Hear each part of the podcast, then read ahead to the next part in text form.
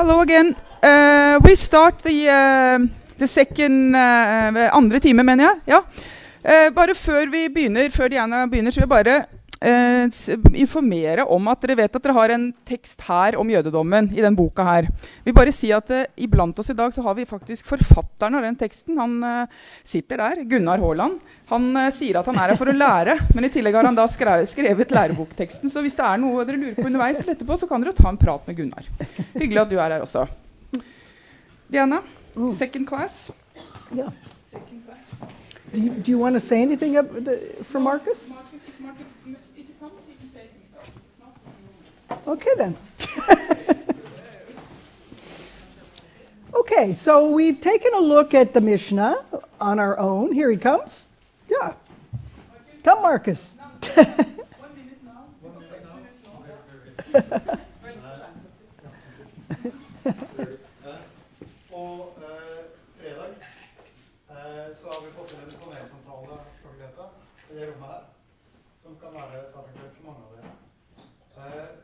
Har noen av dere fått med dere den eh, debatten som har gått i media om den eh, kolleksjonen som Black Rat har lagd eh, basert på Moritz Rabinowitz sitt liv?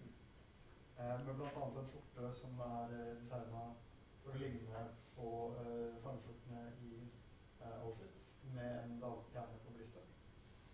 Designet kommer rett fra New York Fashion Week lander kommer rett dit. Uh, og sitter i panel sammen med lederen fra eller direktøren på HR-senteret. Uh, og uh, filmskaper Nina Grünfeldt. Og Norges eneste kvinnelige rabbiner. Linn Feinberg. Ja.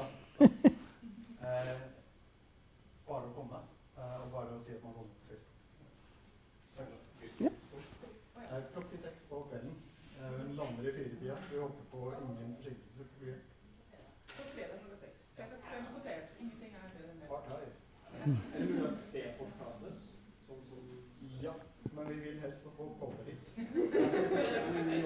ja. Det, det podkastes. Ja.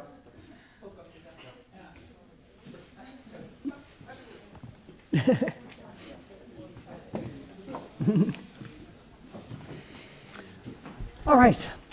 So we took a look on our own at uh, the first paragraph um, of, of the order of seeds. And then we got a little bit of help with some explanations to get an un- understanding of all this uh, shorthand language. Um, and so let's take a look. When I asked you about the traits of the Mishnah, we did cover a number of these points. Um, we can agree, I think, the text presumes insider knowledge. We, we decided on that. Disagreements are not resolved. Um, there is sort of a leaning toward, toward one point, but also points out that actually a majority had, had more, the sages, plural, had favored midnight uh, as opposed to the one opinion that had pushed it until dawn.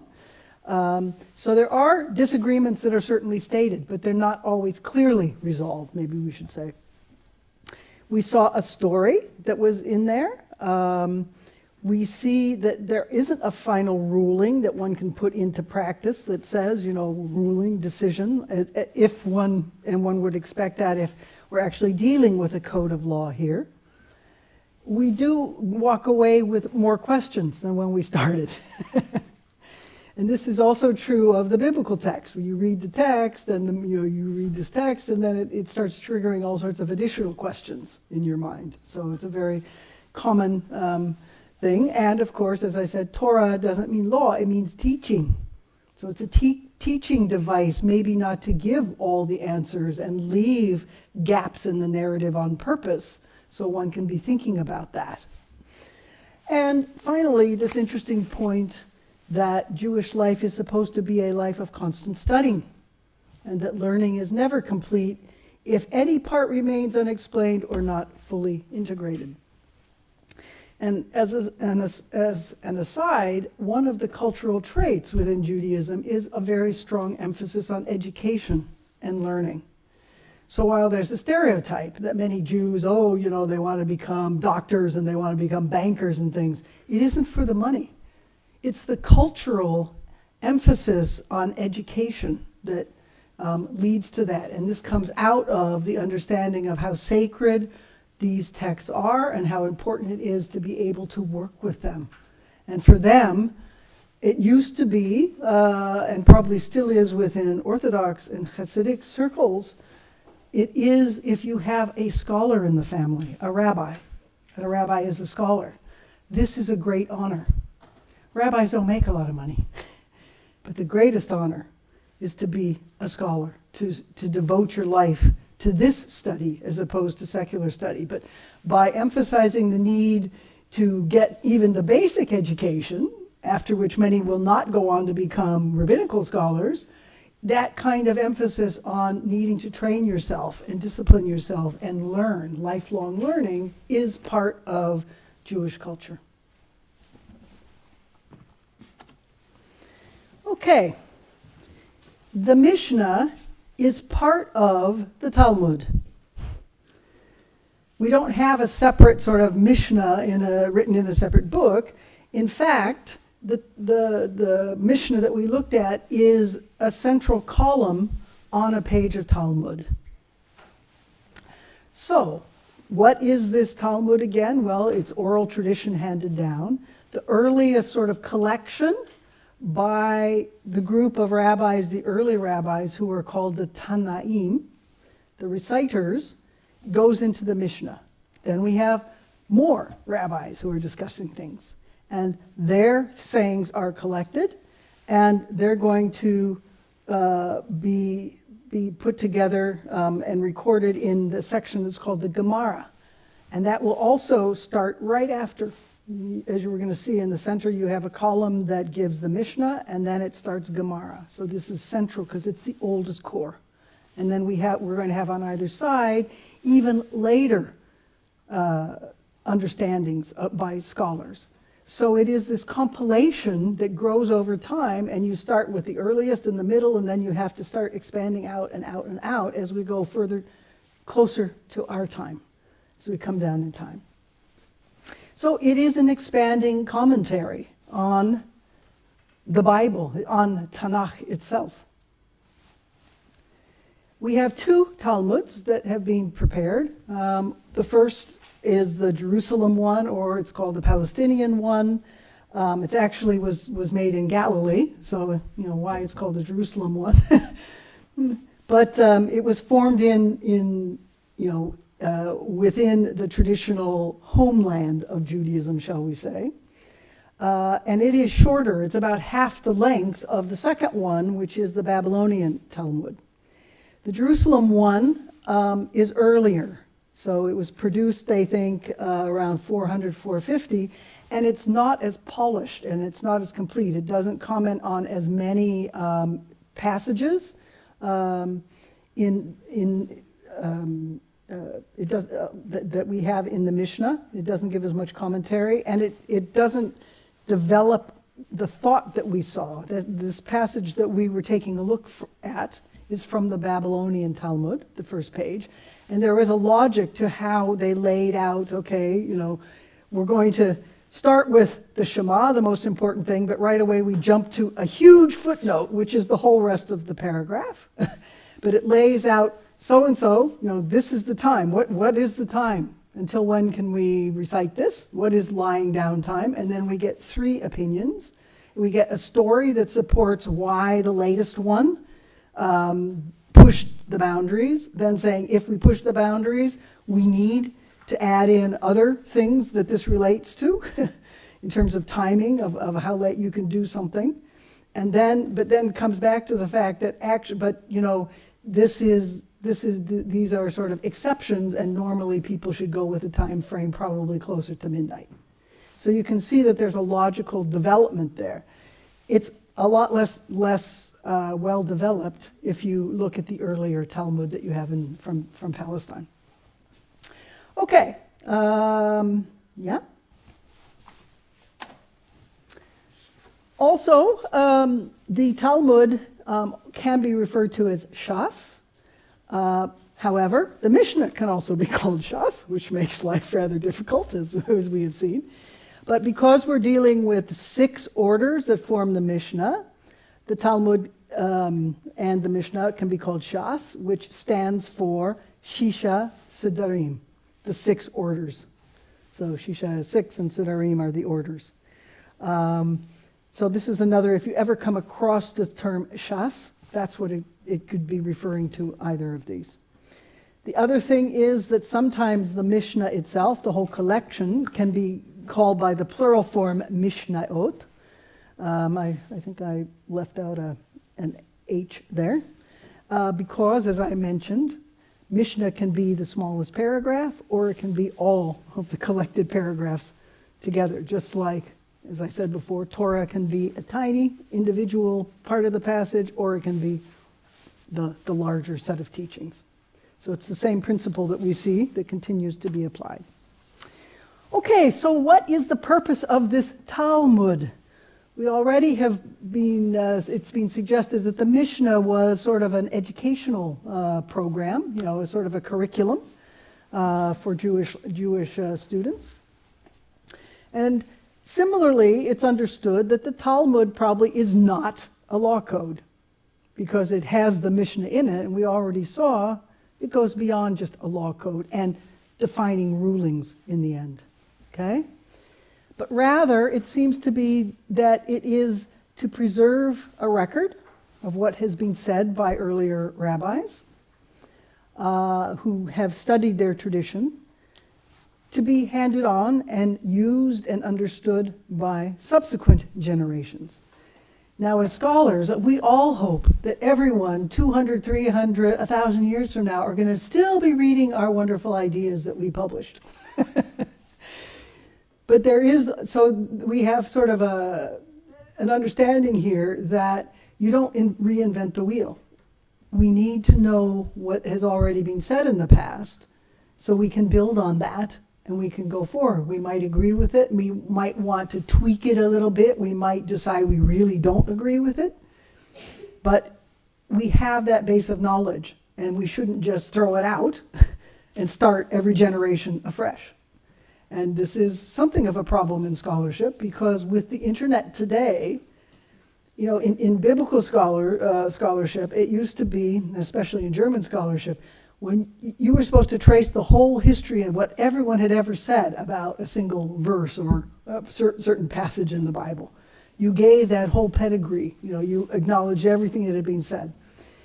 Well, it's we've reached a point, number one, where it's almost impossible unless you have a very obscure topic to be able to do that.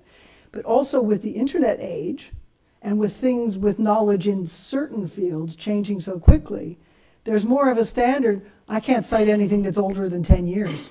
You know, that's as far back as I have to go, 10 years, because things have changed so much in 10 years. Well, I got news for you. In biblical studies, Jewish studies hasn't changed that much in 10 years. but as a result, people are publishing things where they think they're suggesting new ideas and if they knew anything about the history of the scholarship, they go back, you know, this is something that was topical 50, 60 years ago, but they don't know it because they don't have that history. And so what we have in the Talmud is history. It is recording, you know, the, the, the rulings of many people. In the Mishnah itself, there are 120 rabbis who are cited in the Mishnaic portions. Now, there were more than 120 rabbis who lived in that 200 to 300 odd, odd years year period. These were the rabbis who were the most famous, who had disciples who you know, sit at the feet of the rabbi uh, and learn from the rabbi, and they would pass on that rabbi. So, as a rabbi got more disciples and became more uh, influential, more of his teachings are going to be remembered by others and passed on and become influential. But there are always more than 120 rabbis. So we don't have all the rabbis here, but we have selected remembrances. And it may not be a deliberate attempt, although there, there probably is. Um, there's another collection of sayings from rabbis who lived at the same time as the rabbis who are cited in the Mishnah. uh, but they didn't make it into the Mishnah. And they've been collected separately, uh, and they're in a collection that's called the Baraita. B A R A I T A. Baraita. Um, and the question is well, what happened here? And one explanation that was given is the rabbis who were in the Baraita were rabbis who were in small towns, not in the core Jewish areas, so they had less influence, but you still wanted to preserve what they thought. Um, and so, th- but they didn't have quite the level, same level of authority, so they were sort of collected to go into the Baraita. Now that works to some extent, except that some well-known rabbis also are cited in the Baraita. So it doesn't work 100%. We simply can't know, you know, why certain things were chosen and why they weren't. But we have the same thing in canon, don't we? When you form a collection of books, some get in and some don't get in. And it's based on whatever the principles are of those who are making those decisions. But interestingly, then, the Baraita passes on, you know, very old um, um, opinions of rabbis who were around at the same time as those Mishnaic rabbis. And even there, between the Baraita and the Mishnah, I'm sure we don't have all the opinions that are possible. But at least the selection of some to become normative, to become part of discussions, to be handed down so we don't start from scratch, that's a very important principle within Jewish scholarship.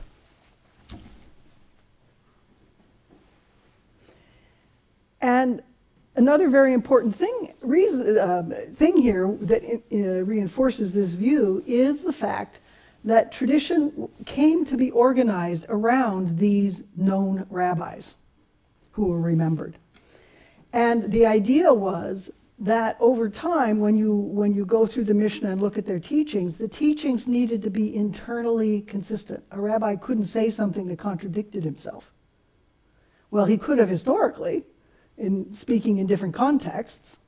You know, if you look at, uh, for those of you with the letters of Paul, Paul will say one thing to one congregation and something to another, and they may contradict each other, but they're necessary for the particular context. Same thing here. But the interesting thing is that what, they, what happened was we started to lose the actual historical rabbis.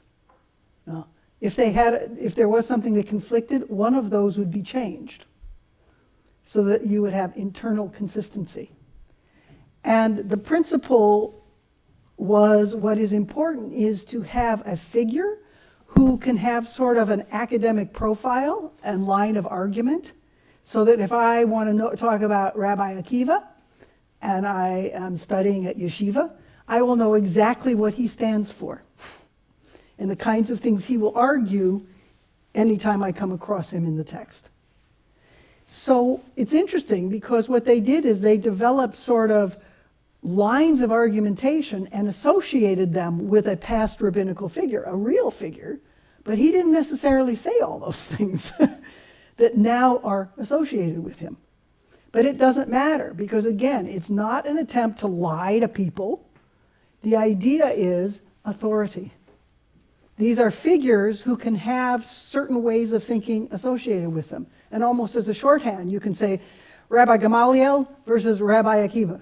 And, you know, if you're studying and you're on advanced level, you'll know exactly what each of those, those things stand for. It's like different philosophies, different theories.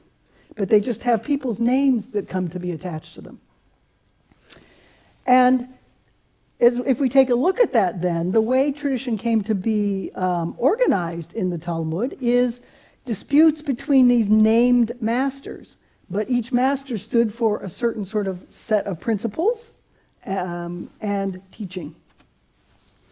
So if you put on your historian's hat now and you look at these questions, and I want to ask, I'm interested in understanding the rabbis. And I would like to know which texts in the Talmud we, we can take as historically reliable. Now you're going to be extremely frustrated Welcome to the world of being a historian when you're dealing with sacred texts. this is true with anyone dealing with any of sacred texts, okay?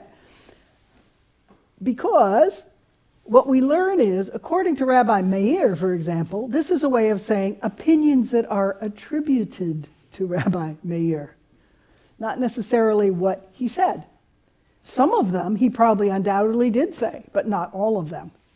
And as an historian, the question is how would I be able to actually get at which ones might not be, you know, he had said and which ones he did? And, you know, for me, maybe that doesn't matter all that much, but, you know, you have the same problem in the New Testament when you're dealing with the sayings of Jesus, or perhaps some of the same problem in the Quran when you get things that are attributed, right, to Jesus, you would like to know whether these actually were said by Jesus or not. Many people might, might think that there is an important distinction there. Others don't care so much about that. But so it can make a difference. But the question is the principles. And we have to remember that people living in the Roman period and later, they don't think exactly in the same categories as we do today, using the same logic, you know, of, and, and, uh, and as I've said a couple of times, they wouldn't consider it a lie. This is how they operated. It was a system for syst- it was a way to systematize things and attach someone's name to it, which made it easier to remember.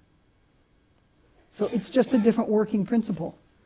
And so to ask the question, what is historical? Maybe that isn't even, it isn't a relevant question for them necessarily at all because they're more interested in transmission of, author- uh, uh, of texts that they think are authoritative.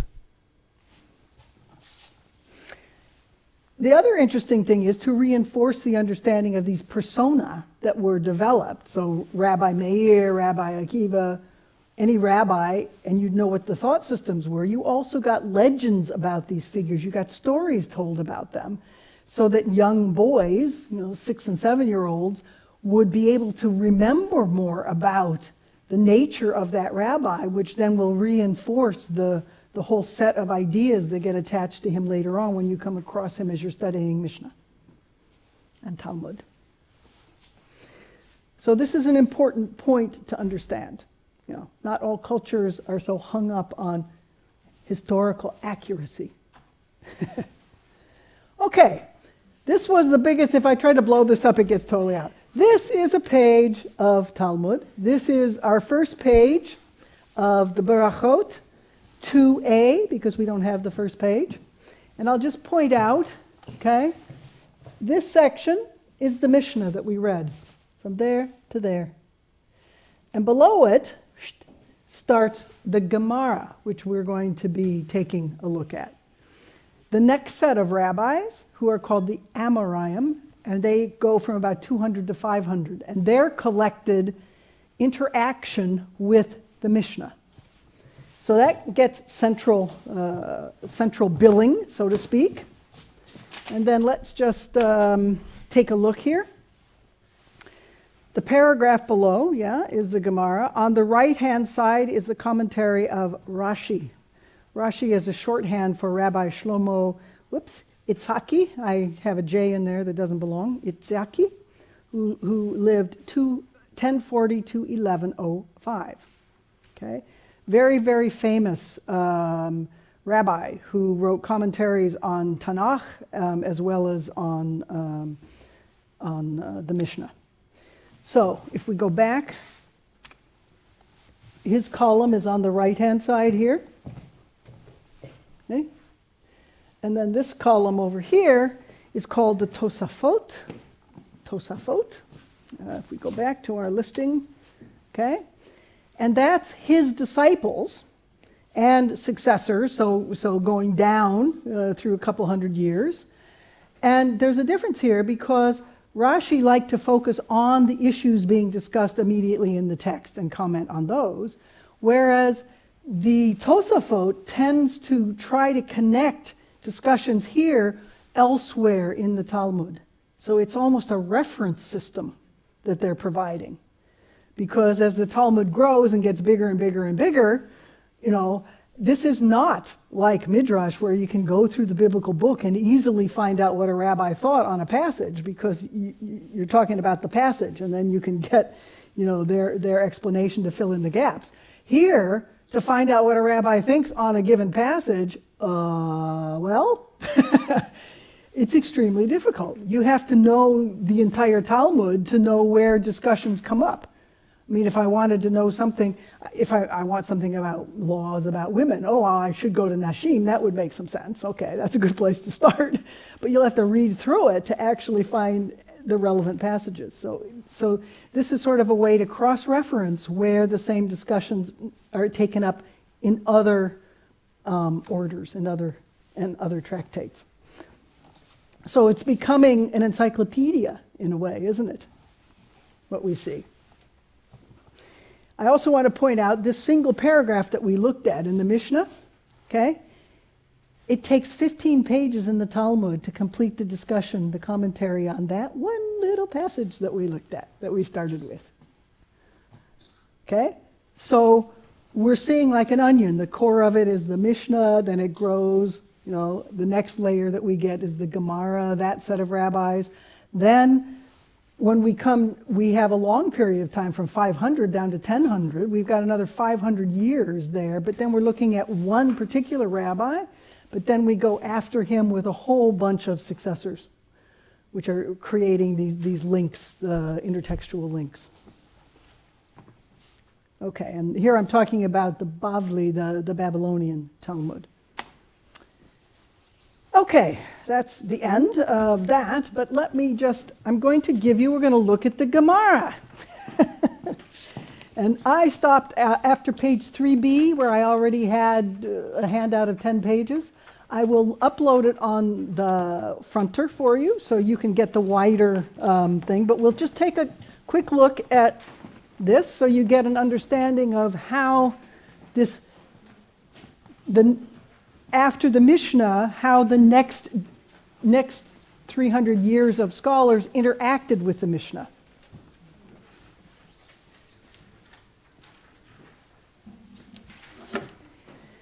And I'll just explain the things that are in bold are the actual words that are in the text. All the things that are in regular type, these are explanations to try to make it somewhat understandable for you. So again, we see this very terse understanding and leaving out of all words and assuming all sorts of knowledge. so it's, it's a two pager.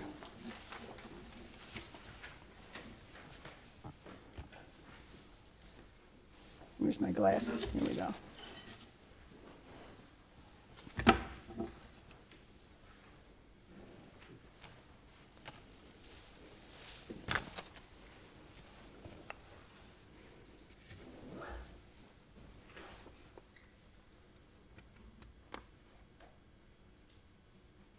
And a mitzvah is a commandment.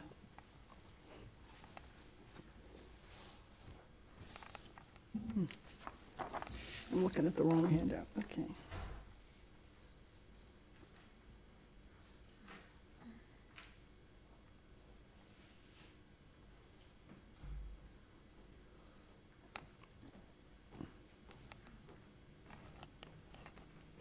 So a Tana is a rabbi who would be responsible for the uh, Mishnah.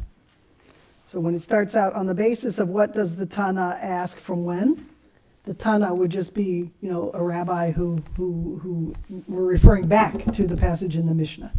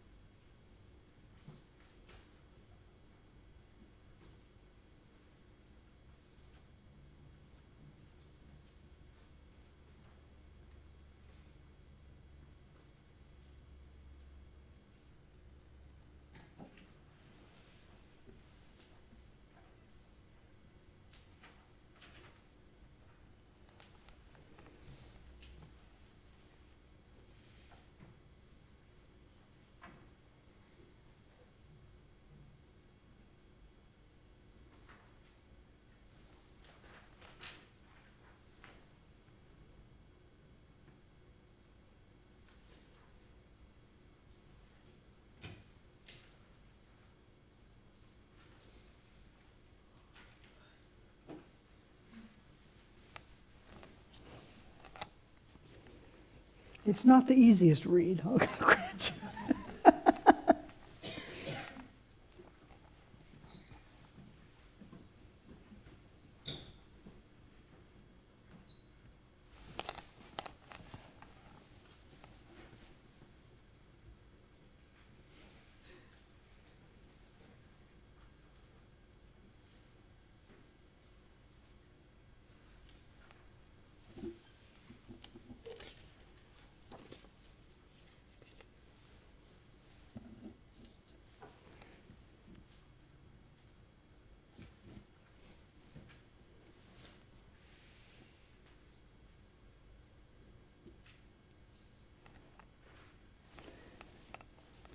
Okay, you have a bit of a flavor of it, right?